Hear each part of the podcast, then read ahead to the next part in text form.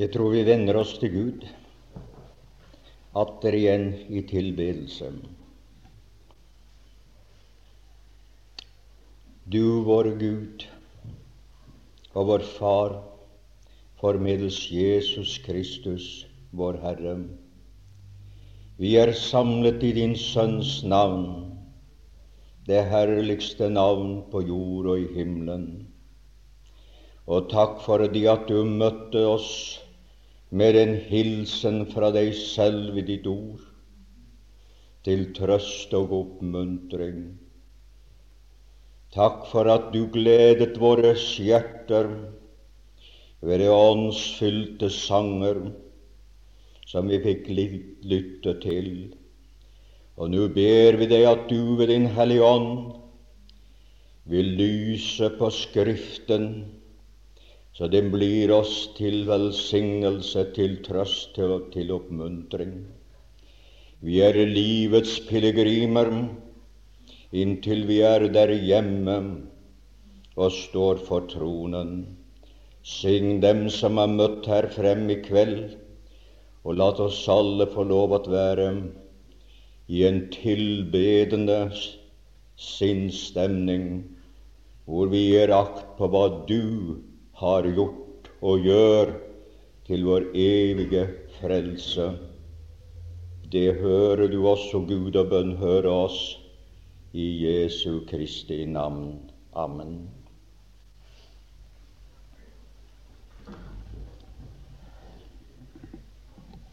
Den salme som vår bror leste, den 16. salme,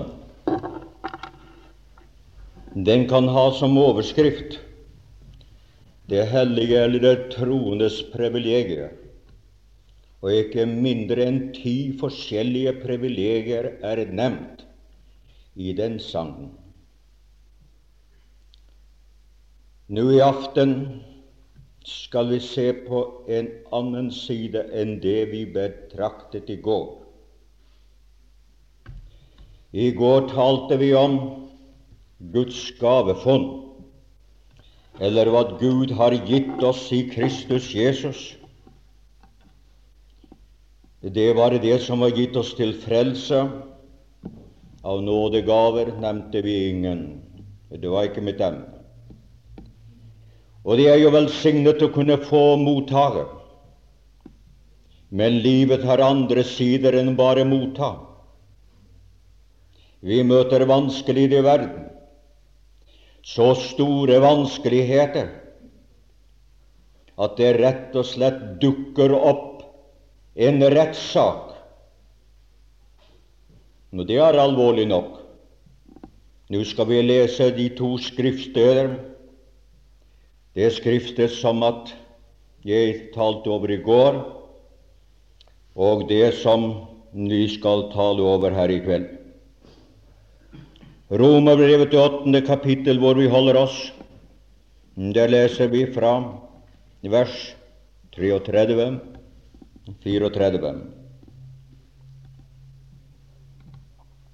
Men vi tar med det 32., for det var vår tekst i går. Han som ikke sparte sin egen sønn, men ga ham for oss alle Olesen skulle han kunne noe annet enn gi oss alle ting ved ham. Hvem vil anklage Guds utvalgte? Gud er den som rettferdiggjør. Hvem er den som fordømmer? To spørsmål, og så svarene. Kristus er den som er død. Ja, hva mere er, som også er oppstanden, som også er ved Guds høyre hånd, som også går i forbønn for oss. Det resterende av det kapitlet skal vi ha søndagsformiddag. Jeg taler om det troendes bevarelse. Det som gikk for ham, som vi ikke har lest, handler om guddommen i aksjon for å sikre vår frelse. En rettssak i Åndens verden. Flere habile kommentarikere har påpekt at disse to skriftsteder med spørsmål hvem er et juridisk avsnitt som vi her møter. Det er i virkeligheten en guddommelig forsvarstale vi her lytter til. En guddommelig forsvarstale for dem som han har antatt seg. Faktum er nemlig den at livet er ikke bare halleluja. Det er ikke bare på bølget på topperne der er daler. Og det troende er utsatt for den verste angrep og beskyldninger fra alle ondsmakter på jord og i himmelrommen. Det må vi også regne med. For vi har ikke kamp mot kjød og blod, men vi har kamp mot åndsmakterne. Det er en rettssak i åndens verden som her rulles opp for oss, og det er avgjørende for oss som troende å vite både hvem anklagerne er, og hvem forsvarerne er, og hva dommeren foretar seg og resultatet av dommen. Det har meget å si for oss for å kunne vite om vår sak står godt hos Gud. Dette angår alle troende. Og denne juridiske rettssak varer så lenge som det troende lever på denne jorden. Så det er en langvarig prosess. Og allikevel er den avgjort hver dag. Det er det eiendommelige. Ellers er det jo på slutten av en rettssak man får resultater. Men du og jeg må få lov å høre den, for den allvitende Gud har sagt oss utfallet før avslutningen kommer. Det ligner ham. Vi er godt frelst som av bare nåde, men vi er også godt forsvart av bare nåde. Husk på det, vi er godt frelst, men vi er ikke latt alene. Vi er også godt forsvart. Vi skal nå merke oss tre ting. Og det er nemlig den, juriske sted. For der hvor en rettssal er jo gjerne et lokal eller et sted hvor dette foregår. Og den juridiske prosedyre og det juridiske utfall av denne rettssak. Og med hensyn til det første, så er det jo i en rett, gjerne er i et rettssak. Men for Gud er hele universet hans bolig, hans sted. Han er allesteds nærværende. Og dette er, er både den synlige og den usynlige verden som er involvert her. Det som kan ses, og det som ikke kan ses. Og det siktede, de er der. Det er du og jeg. De er alle troende så lenge som her i verden. Du kommer ikke utenom dette. Det er slik. Det er nemlig alle dem som tror på Jesus Kristus som sin frelser i liv og i død. Det er den stridende menighet som møter motstand. Det er anklaget til alle tider. Men vi kan også regne med å finne anklagere, så vi får rede hvem, på, hvem det er vi, du og jeg, vil møte motstand fra. Og den verste av dem alle sammen, det er djevelen. Denne verdens fyrste. Han har store områder. Denne verdens Gud, han har en veldig makt. Og det nærmer seg den tiden hvor menneskets store skare av et helt rike for det store skal tilbede djevelen. Og djevletilbedelsen er allerede et faktum her i dette land. Og hvorfor? Fordi det er for meget navn kristendom og for lite sann kristendom. Når saltet taper sin makt, så da trives alt. Og all den djevelskap som ruller inn over vårt land og vårt folk og andre steder, kan man takke dette at korsets fane ikke reises høyt nok. Guds ord betviles, sannhetene fornektes, og så får djevelen innmarsj, og hedenskapet ruller inn over den såkalte kristne verden. Djevelen, jo, han bruker sterke ord. Og er det noen han hater, så er det dem som tror på Kristus. Og de som, har tillit til Bibelen, og som regner med nåden, og som ikke vet annet nod enn Jesu Kristi blod og Hans frelsende nåde, og står på det og lever på det og regner med det og forsvarer det. Verden er den anklager. De hater Herrens folk, enten med en åpenbar hat eller med et skjult hat, men hatet gjør det. Og hat er det samme konsentrert motvilje. Det er hat. Slik som en storm er konsentrert luftmasser, så er hat. Det kan være hat uten forfølgelse, det kan være hat med forfølgelse, men det er der. For de kjenner oss ikke de kjenner ikke Gud, og de kjenner ikke dem som tror på Gud. Det er et faktum. Det kan forfølge oss, og der er mange slags fiender som kommer inn under verden. Der er masse medier, pressen, som stort sett er Kristusfiendtlig, og som sprer løgn og usannede umoralskhet. Og de øver sin veldige innflytelse imot Guds folk i denne verden. Filmer dem så meget som er råtten og sjofel.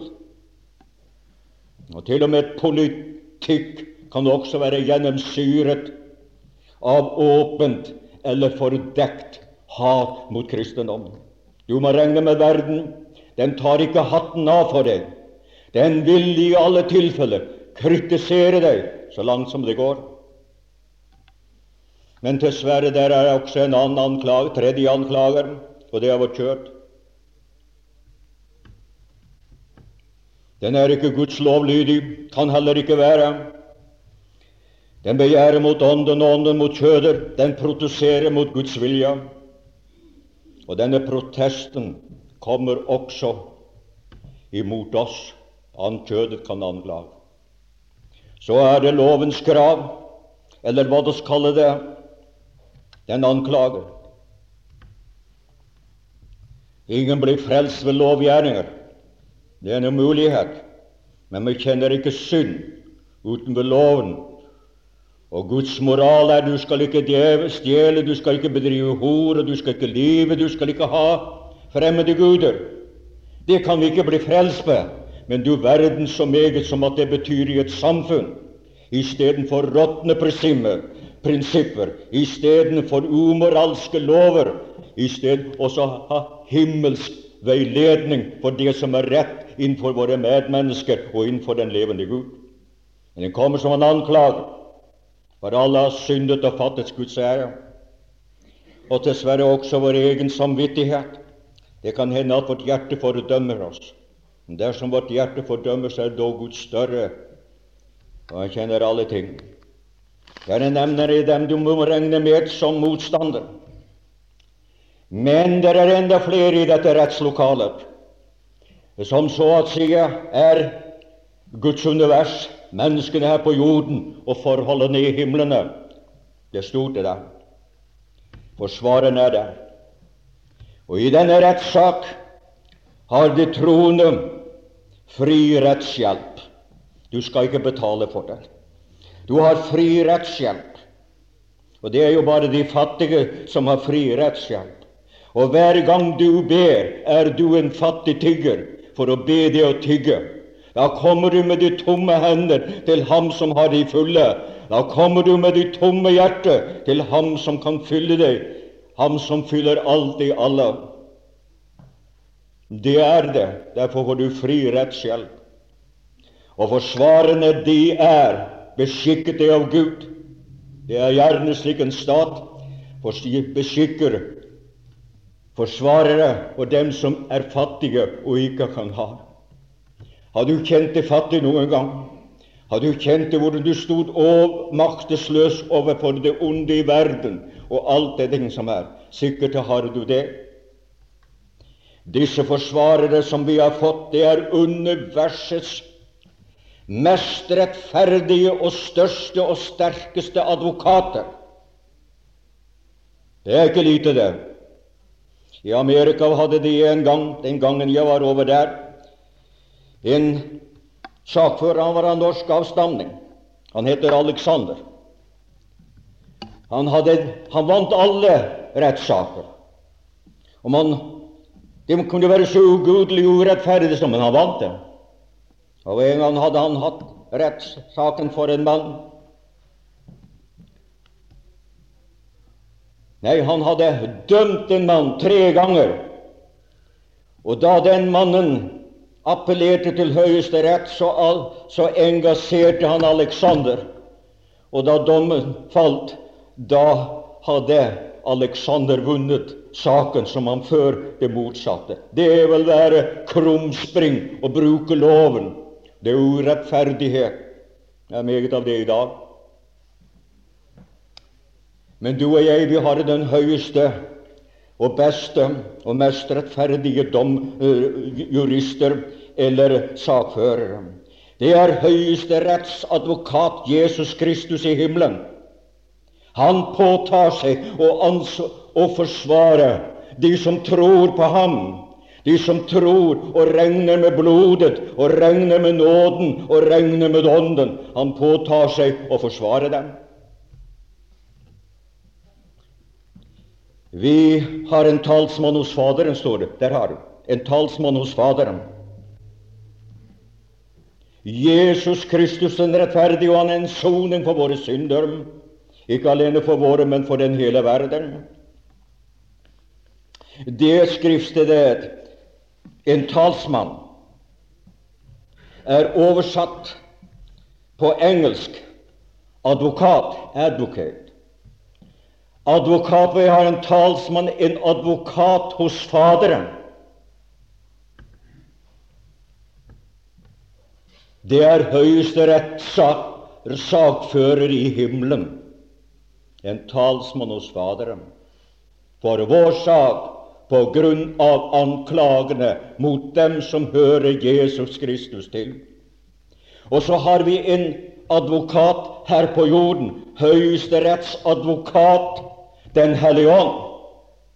Og de er oversatt, for å nevne tre Han er også oversatt på engelsk som advocate, som advokat.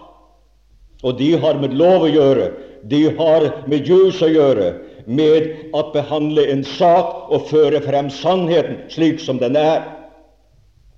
Dette skriftstedet om at han er advokat, er f.eks. oversatt talsmann på norsk men også trøsteren. Og på dansk er det oversatt husvaler. Han har vi her på jorden. Han ber gjennom oss. Han tolker de usigelige sukker, så de blir bestått og bønnhørt og behandlet innenfor høyeste rett. Gud er på tronene nå. Han kommer våre skrøpeligheter til hjelp. Og dette å komme til skrøpeligheter til hjelp, det er bildet av en som ikke greier å gå over et vanskelig sted, men ble tatt ved armen og ført over. Han kommer våre skrøpeligheter til hjelp. Det er ham som har på, vi har fått av Gud, som skal være vår svarer her i denne verden, og Kristus i himmelen. Det er forsvarerne vi har, vi som av djevelen, av verden, av kjødet blir anklaget. Og han gjør det, djevelen anklager oss dag og natt. Hvilken trøst at det troende har så sterke, så gudfryktige, så sannferdige, så mektige forsvarere ifra den evige verden. Å, du min bror og søster, Gud er på din side. Jesus er på din side. Helligånden er på din side. Du har guddommelig assistanse. Du må få lov å regne med ham. Og det mer vi regner med ham, dess lykkeligere vil vårt liv være, for da innordner vi oss under Hans ord. Men dommeren er der. Det er Gud, den rettferdige dommer. Han er all trøstens Gud. Han sitter på tronene nå, og han kommer sine i hu. Han har herskarene, er herskarenes Gud og har makten i seg og makten hos seg. Og du kan regne med og han stiller seg på din side når det vonde vil komme til deg, når djevelen vil anklage deg, når verden vil forfølge deg, så har den som tror på Jesus, ikke alene sakføreren Den hellige ånd og Jesus Kristus, men dommeren. Du har Gud på din side. La oss nå gå frem og betrakte litt prosedyren. Nå har jo nevnt om hvem du kan regne med. Vi ser litt på prosedyren. Det er altså sakens forløp. Siktelsesgrunnene det blir ofte gjentatt av anklagene. Alle har syndet og fattes Guds ære, lover, rop, lov, roper loven med tordenrøst. Alle har syndet og fattet Guds ære, og hver munn skal lukkes, og alle skal bli skyldige innenfor Gud. Anklagen sterke ord. I mitt kjøtt bor ikke noe godt, skriker kjødet.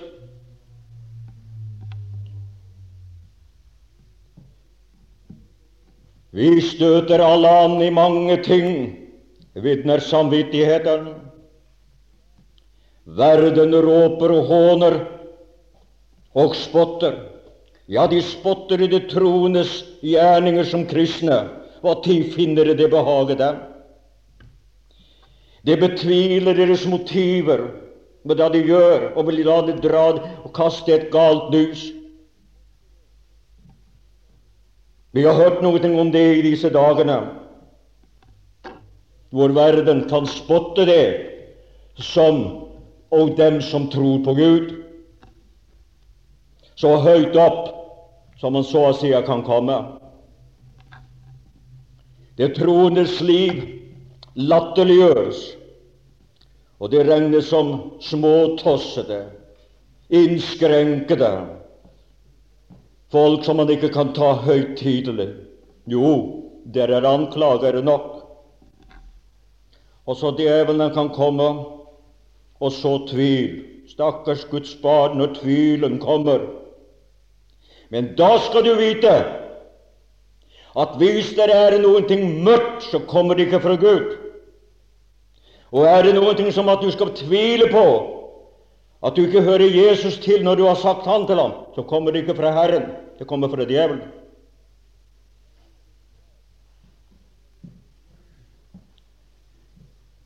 Herren kommer aldri for å ta motets fra oss, men Han kommer for å gi oss mot når vi tyr til Hans ord og tror til Ham.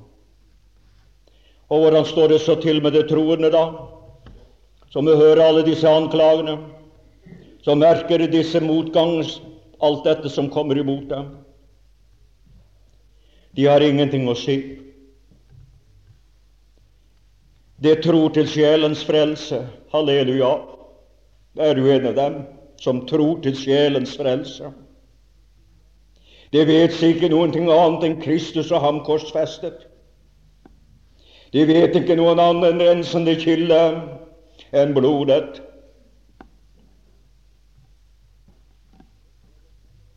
Og de vet, tror, og de vet at de er frelst av bare nåde. De tredde frem for nådens trone for å finne nåde og få hjelp i rette tid. Veien er åpen, og de går den, og døren er åpen, og de går inn, og de får, og de finner. Og så sier de bare vi stoler på deg, Herre, i livet og i døden. Så må de komme med sine anklager så meget som de vil. Forsvarerne er det to guddommelige høyesterettsadvokater. Og Kristus vitner for dem. Og hva sier han? Den som kommer til meg, vil jeg ingenlunde støte ut. Og er du kommet inn, og han ikke støter ut, da må du være innenfor. Det er hans vitnesbyrd. Det er hans forsvar. Den som kommer til meg, vil jeg ingenlunde støte. Det vil ikke, jeg vil ikke, sier Herren. Tror du ham, så er du innenfor, frels ved troen på blodets grunn. Blodet vitner om din renhet, som Jesus vitner om din nærhet.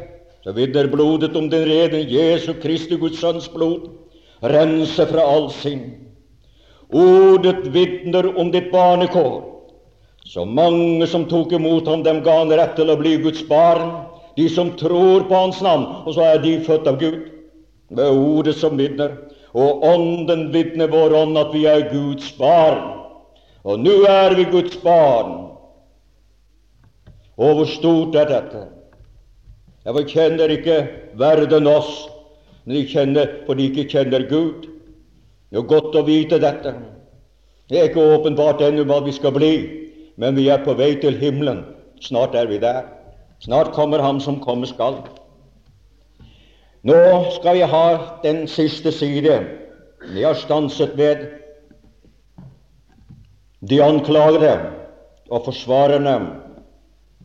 Nå skal vi se dommen eller resultatet av rettshaken som finnes i de to versene som er min tekst i dag, som jeg ennå ikke har kommet til, fordi at det måtte disse andre sider, da det er en domsakt, må det også forkynnes slik som en rettssak avgjøres. Og hva er det alminnelig når anklagerne har hatt ordet? Når forsvareren har hatt ordet, og saken skal gå til doms, hva skjer da? Dommeren tar ordet.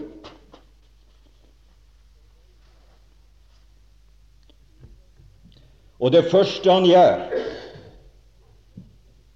forbausende, uventet, det er at han henvender seg til anklagerne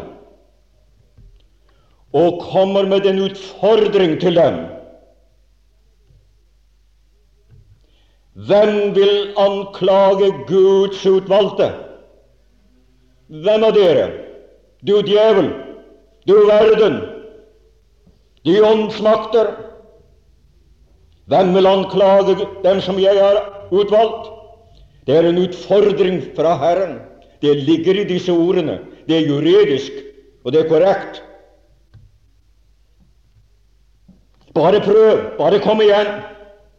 Jeg utfordrer dere. Det er hva som ligger i disse ordene her. Akkurat slik som, som Goliat utfordret Israel og spottet dem, så gjør disse anklagene våre Du har, Vi har dem alle sammen. Den ene er ikke unntatt.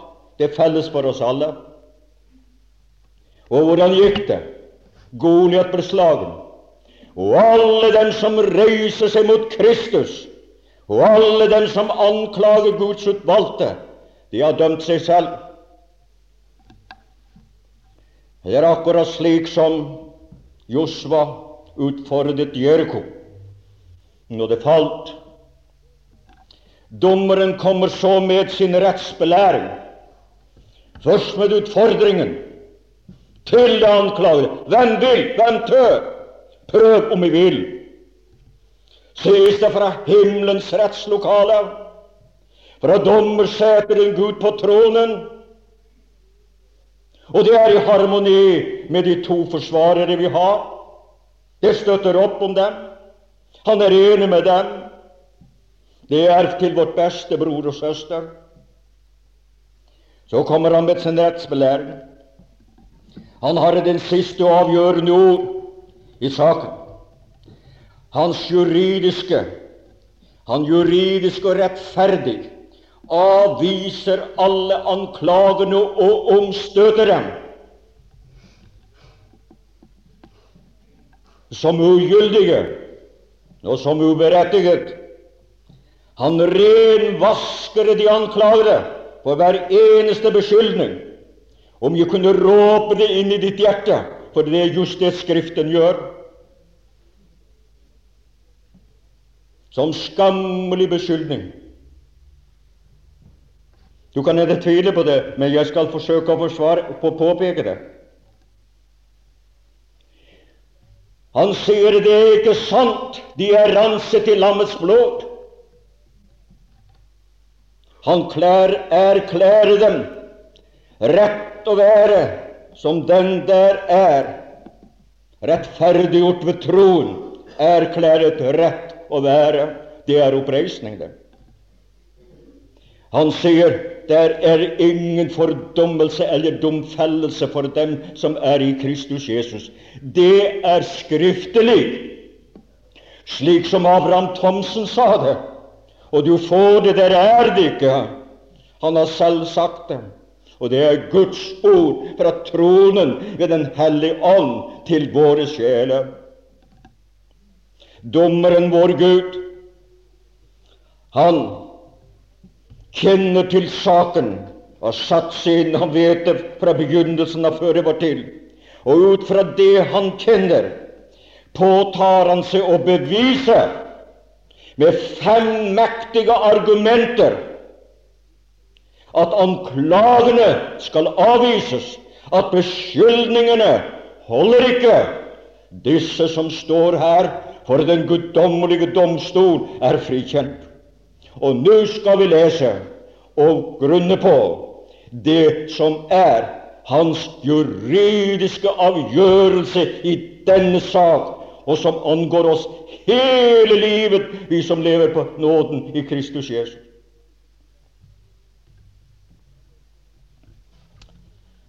Nå nevner jeg fem ting som du finner i disse to versene, og som danner grunnen for min tale. Kristus er død, det er første frifinnelsesbevis. Kristus er død, står det i det 34. kapittel og det 34. verset her som vi har. En er død for alle, og ingen kan dø to ganger. Vi er korsfestet med Kristus, død med Kristus. Og den som er død med Kristus, kan det vel ikke kreves til dødsstraff, for det er hva synden, dødens sølv, er synden. Det er dødsstraff. Det minste synd er dødsstraff. Vantro det majestets fornærmelse, gjør Gud til en løgner.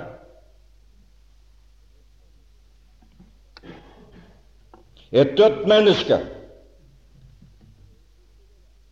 eh, kan ikke straffes til døden, for den er død. Det er meget viktig, det der. Døden kan ikke ramme. Og et menneske kan ikke dø to ganger. Det er altså første begrunnelse at dere anklagere dømmer en som jeg regner som død.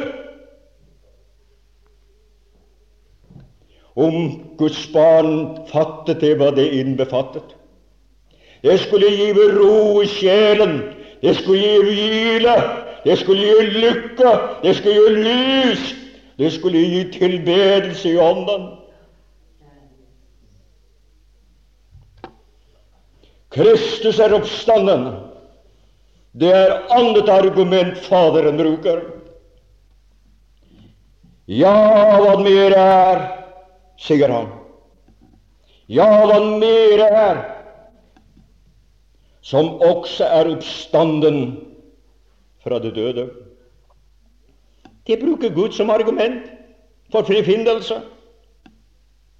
Den som han den som har Sønnen, han er livet. For Kristus er livet. Og du er jo blitt et helt annet menneske hvis du er frelst. Du er blitt en ny skapning i Kristus. Du er ikke den samme. Dommen er over det gamle, men det er dødt. Og du har blitt en ny skapning, og det er du i Kristus Jesus. Jeg er Herren for de Kristus, vi er gjenfødt til et levende håp ved Jesu Kristi oppstandelse fra det døde. Det er et nytt sier det der er ikke noe angår dem. Jeg har ordnet det med at de er døde i Kristus, de som tror på ham. Og det regner jeg med. Og Kristus lever, og de lever. For Kristus er mitt liv. Vil du dømme min sønn?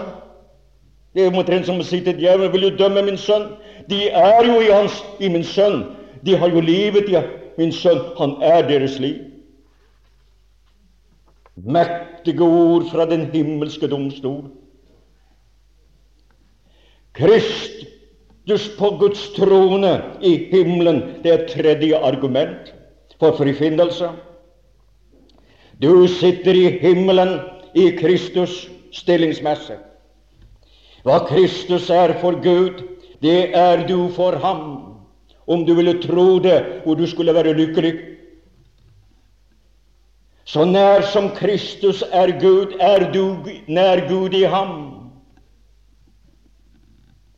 Det er argumentet. Kristus på tronen, og den troende på tronen i ham. Da må de frifinnes.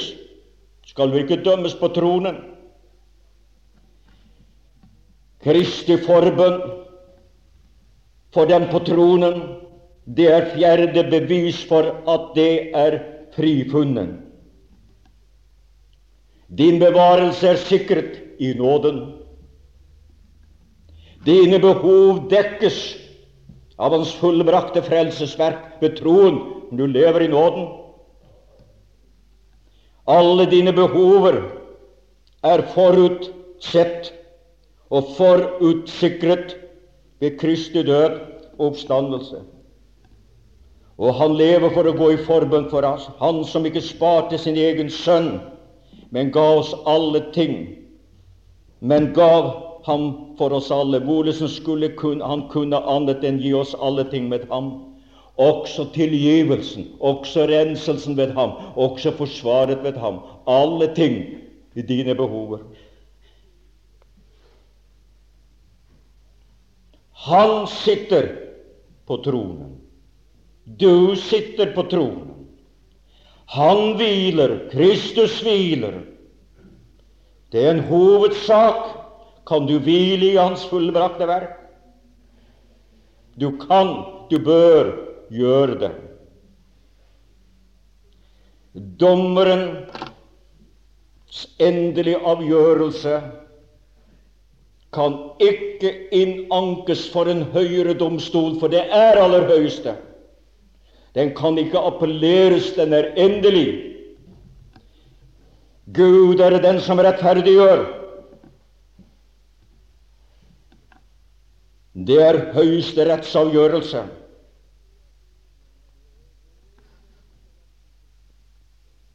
Guds rettferdighet til alle og over alle dem som tror. Det ligger så meget i dette å være rettferdiggjort. Det er grunnlaget for frelse å komme til himmelen, helt fra adel og til den siste i tusenårsriket. Og det er grunnlaget nåde uforskyldt. Det er derfor Gud er den rettferdiggjorte ved troen har vi fred med Gud fordi vi har oppreisningen i Kristus Jesus. Fullkommen oppreisning i Kristus for deg. Uangripelig Kristus er du ved troen på ham. Dekning for alt i Kristus har du når du tror det.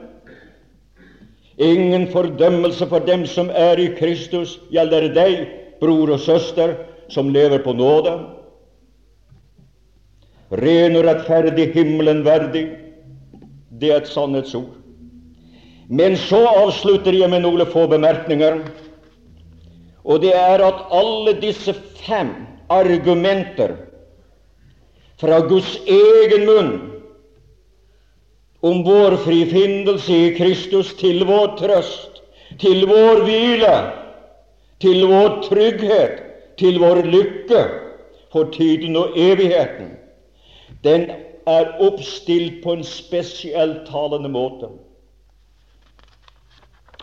Og den er oppstilt slik som om at man går oppover en trapp. Her er et trinn. Her er det trinn, og der er det trill, og der er det trill, og der er det trill, og der er det trill. Går oppover. Skal jeg lese det? Griffith Thomas og andre har påpekt dette i forbindelse med det vi nå har talt. Vi skal lese det.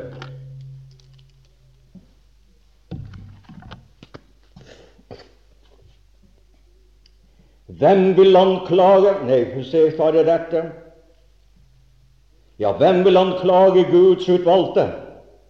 Gud er den som rettferdiggjør. Å anklage den som er rettferdiggjort, det er å si det samme som de skal kastes ned fra tronen. Tror du gjør det? De skal bort fra Kristi sete. Tror du han gjør det? De skal ut av Hans Sønn. Tror du han gjør det? Det er første argument. Og så kommer det. Hvem er den som fordømmer? Kristus er den som er død. Det var jo første gang. Ja, hva mer er. Det var altså mer. Ja, hva mer er, som også er oppstanden. Det tredje trinnet, dette. Og så kan det leses fra grunnspråket slik som også er oppstanden, som også er ved Guds høyre hånd, som også går i forbønn for oss. Det ene større enn det annet, det stigende, stigende. Stort at han døde, enda større at han oppstod, enda større at han er på tronen, enda større at han lever og, og, og, og ber for oss. Og vidunderlige frelse og vidunderlige frelser og vidunderlige Gud, som har gitt oss dette for at vi skal være lykkelige Guds barn. Det er ikke en sovepute for verslighet og kjødelighet, men det skulle være en stimulans. Det skulle være en guddomskraft. At de lever i Hans kjærlighet og opplever dette, at Han som Guds kjærlighet er ut oss i våre hjerter ved Den hellige ånd, slik at lovsangen og takken og prisen kommer til en sånn vidunderlig frel, til frelse som vi eier. Jeg har fått dette for å gi det til dere, og jeg bringer det og jeg vil at måtte Gud med sin ånd gjøre det levende som jeg ikke kunne ha sagt. La oss be, la oss tilbe. Å, du evige Gud, og du vidunderlige Kristus, og du talende Hellige Ånd, som taler til oss og viser hva du har fått fra, din, fra den andre guddommen til å trøste oss, til å oppmuntre oss, til å gjøre livet lyst i en ond verden, i en syndig verden, i en Gud forhatt, i en gudfiendtlig verden. Å, vi tilbeder deg, og du vil hjelpe oss til å tro på korsets nåde og regne med blodets rensende kraft og Åndens fylle og velsignelse innover vårt liv fra deg som fyller alt i alle. Skulle det være noen her som er utenfor samfunnslivet med deg, så ber vi deg. Tal til dem overbevisende om synd, om rettferdighet og dom. Å Gud, gjør det slik ved din ånd at de fikk lyst til å tjene deg og se hvor godt. Har de fått se seg som syndere, at de må også få lov å se seg frelst ved troen på deg. Er det nå en motløs sjel, og måtte de finne trøst, måtte de se lys, og måtte de finne hvile i dette fullbraktes verk på Golgata og din ypperste prestelige gjerning i himmelen for oss. Takk, o Gud, for alt i Jesus Kristus. Amen.